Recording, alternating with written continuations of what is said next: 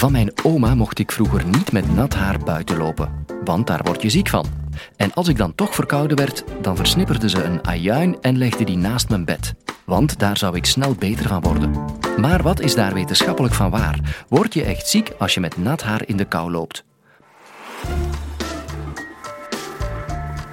Dit is de Universiteit van Vlaanderen. In de winter krijgt iedereen wel eens een verkoudheid. Jullie toch ook? Wie heeft hier ooit allemaal al een verkoudheid gehad? Iedereen. Ik zie weinig handen die niet omhoog gaan. Ja, en hoe krijg je nu een verkoudheid? Krijg je een verkoudheid van met nat haar buiten te lopen? Daarvoor moeten we eerst begrijpen hoe je een verkoudheid krijgt. Wel, een verkoudheid krijg je door van die vieze beestjes, microben, virussen vooral. Die beestjes die gaan via druppels van sprekers die op een podium staan en verkoudheid hebben, maar ook van mensen die op de bus zitten of mensen die thuis zitten.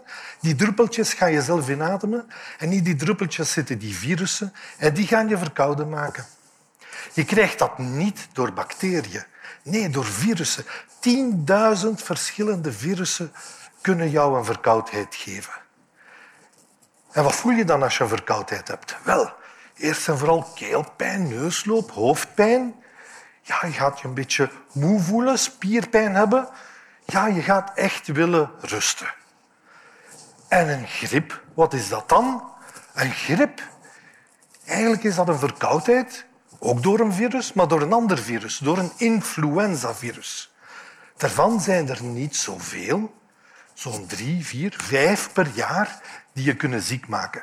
En dan is het ook nuttig om daar een vaccin voor te maken. Want je kan drie, vier van die virussen in zo'n vaccin steken en dan krijg je die griep niet.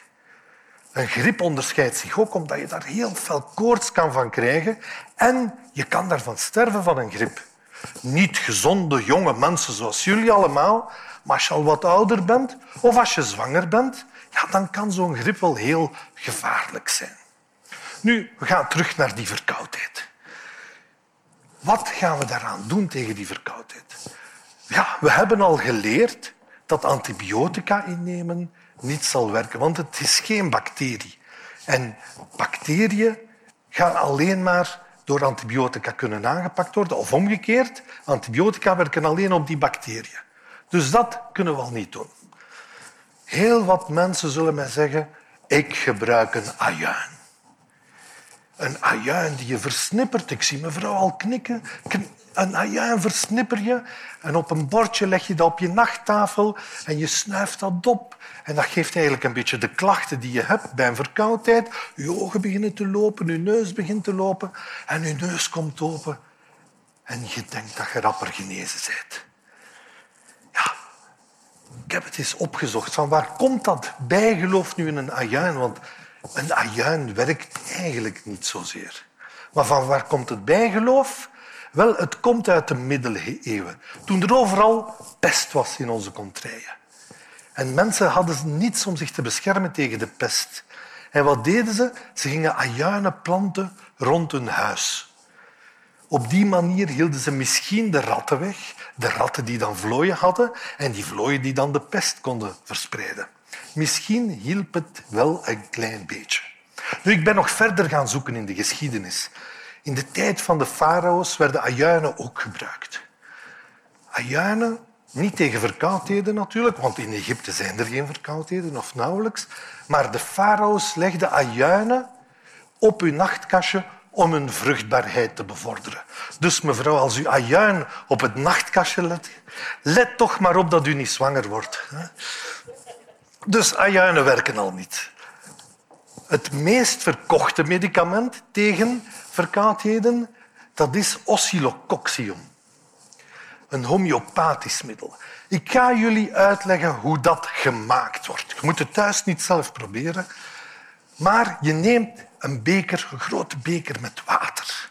Je doet daar verteringssappen in. Ja? En dan neem je een stukje lever en een stukje hart van een eend. En dat doe je erin en je laat dat een paar dagen staan. Je laat dat verteren. En als dat gebeurd is, dan ga je met een pipet daar één druppeltje uitnemen. En dat ga je in een ander groot glas met water doen. En dan schud je dat. En wat doe je dan met die oplossing? Je giet die weg. En de druppeltjes die nog in die beker overblijven, die ga je bewaren en daar doe je terug water bij. En je gaat dat terugschudden en je giet terug alles weg. En je gaat dan opnieuw die druppeltjes die overblijven, opnieuw verdunnen. En opnieuw en opnieuw, totdat er geen enkele molecule meer overblijft van die lever en dat hart. En van die oplossing neem je terug een druppeltje en die ga je bij van die korreltjes doen die lactose bevatten en ga je wat mengen en dat is je homeopathisch middel. Werkt dat nu? Wel, ik ga je zeggen, als je dat inneemt, dan ben je op zeven dagen van je verkoudheid genezen. En als je dat niet inneemt, ben je op zeven dagen van je verkoudheid genezen. Dus het gaat je verkoudheid op geen enkele manier beïnvloeden. Ja, wat kunnen we dan nog gebruiken? Hebben jullie de reclame al op televisie gezien van die yoghurtproducten die uw immuniteit en uw weerstand versterken? Jullie nemen dat ongetwijfeld allemaal in, want niemand moet hier hoesten vanavond. Het is bijna abnormaal. Maar werken die dingen? Men belooft dat zij de immuniteit verbeteren. Men heeft studies gedaan.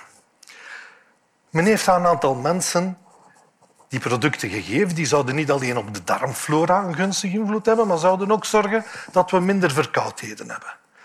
En wat is gebleken? Als je die producten twee weken inneemt, ga je inderdaad een periode minder verkouden worden. Maar na twee weken is het uitgewerkt alweer. En ook als je dat herhaalt, ga je op geen enkele manier nog beschermd zijn tegen verkoudheden. Dus eigenlijk, het helpt twee weken, ja, maar de rest van je leven moet je het niet meer gebruiken. Ja, als arts zitten we dan natuurlijk met een probleem. En wat gaan we doen met onze patiënt die komt klagen over zijn verkoudheid? De meeste artsen zullen jullie een hoestdrank voorschrijven. Ja? Werkt zo'n hoestdrank? Wel, je gaat er wat minder van hoesten, wat minder kribbel in de keel hebben. Maar eigenlijk gaat het opnieuw zeven dagen duren vooraleer dat je genezen bent. En dan zijn er nog artsen en apothekers die slijmverdunners verkopen. Kennen jullie dat? Slijmverdunners? Zou dat kunnen werken bij, bij verkoudheid? Nee, want eigenlijk heb je geen slijmen op de longen bij een verkoudheid. Kinderen met mucoviscidose, de taaie slijmziekte, die hebben slijmen op hun longen. En die kunnen dat gebruiken, maar niet als je gewoon een verkoudheid hebt. En dus antibiotica zeker al niet. Maar wat wordt er dan nog veel verkocht in de apotheken? Vitamine C. Tabletjes met vitamine C. Zelfs pijnstillers, zeg maar aspirine met vitamine C wordt verkocht. Werkt dat dan? Ja, we hebben dat onderzocht. Hè. Duizenden mensen hebben we drie jaar lang vitamine C-tabletjes gegeven.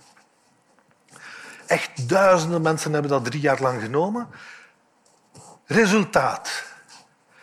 Als je geen vitamine C-tabletjes neemt, duurt je verkoudheid hoeveel dagen? Zeven dagen. Als je wel vitamine C-tabletjes genomen hebt, dan duurt je verkoudheid zes dagen en twaalf uur. Dus je wint twaalf uur aan verkoudheden uit. Maar je moet dan wel drie jaar lang die tabletjes innemen. Ja? Natuurlijk is het nuttig om vitamine C te gebruiken via appelsientjes, via fruit. Dat is nuttig, via groenten ook. Maar de tabletten van de apotheker, sorry, ga uw vitamines kopen bij de groenteboer. Die heeft veel betere vitamines. Ja? Wat hebben we wel gezien? Mensen die sporten, maar echt sporten, niet eens in de week tien kilometer gaan joggen, maar ik bedoel mensen die echt sportman, topsporters zijn, die, als die vitamine C nemen, die gaan wel minder verkoudheden hebben. En daar zijn al de studies natuurlijk op, op gebaseerd. Dus, wat helpt dan echt wel als je verkouden bent? Gewoon thuis blijven, uitzieken, onder de wol kruipen, goed warm krijgen. Waarom? Als je temperatuur stijgt tot 38 graden, dan moet geen koorts zijn, maar een klein beetje je temperatuur doen stijgen. Dan gaan die virussen minder kunnen vermenigvuldigen en dan ga je sneller genezen zijn. Dus goed warm houden, dat helpt. Maar dan, komen we terug bij de vraag van het begin. Als je dan met je nat haar buiten loopt, dan ga je toch sneller ziek worden. Jullie hebben dat toch allemaal al gezegd tegen jullie kinderen? Doe een muts aan, doe een dikke jas aan, want je gaat kou hebben en je gaat een verkoudheid krijgen. Van waar komt dat misverstand dan? Wel, eigenlijk de symptomen van een verkoudheid, hè, rillen, kou hebben, spierpijn, zijn net dezelfde als de symptomen van of de klachten die je hebt als je buiten in de kou loopt. Dan heb je het ook kou, ga je ook beginnen rillen en ga je ook misschien een beetje spierpijn hebben. Maar het een is niet het gevolg van het ander. Het lijkt alleen op elkaar.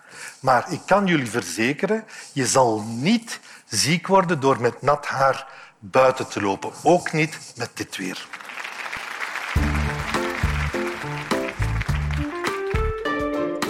Iedereen kent wel iemand die de werking van een versnipperde ajuin naast je bed gelooft. Deel deze podcast om hardnekkige mythes zoals deze de wereld uit te helpen. Want iedereen heeft recht op echte wetenschappelijke recepten.